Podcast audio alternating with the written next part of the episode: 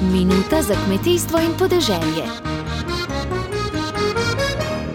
Do 25. novembra je odprta druga javna razprava predloga strateškega načrta skupne kmetijske politike po letu 2023.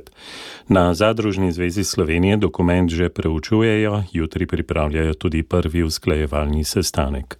Borod Florjančič pa med drugim opozarja, da še vedno ni kalkulacij učinkov. Mislim, da je, to, da je to nekaj, kar se v naslednjih strateških načrtih ne sme zgoditi. Naslednji strateški načrt se bo začel, ko, ko, točno ko bo ta uh, uh, potrjen, mi se moramo začeti pripravljati, pripravljati, pritiskati na deležnike, ki morajo pripraviti te podatke, uh, uh, skratka, na osnovi katerih nam bo v trenutku kristalno jasno vsem deležnikom, uh, ali kmetom ali verigi, kaj, kaj za nas neka določena sprememba pomeni. Zdaj lahko smo mogoče nekje eh, premalo previdni, nekje preveč, kajti mislim, da vsako osnovno neko razumevanje problematike bi moglo podrazumevati, da je kalkulacija vidna in razumljiva uporabniku. Zdaj pa, če kmet z enega OMD-ja si želi preračunati, eh, kaj se mu pripravlja v prihodnem obdobju, saj mislim, da ima kar eno, eno, eno hudo težavo ali pa sploh ne more. No? Predsednik Zadružne zveze Slovenije Borod Florjančič bo naš gost do povdne ob 11 in 15 minut.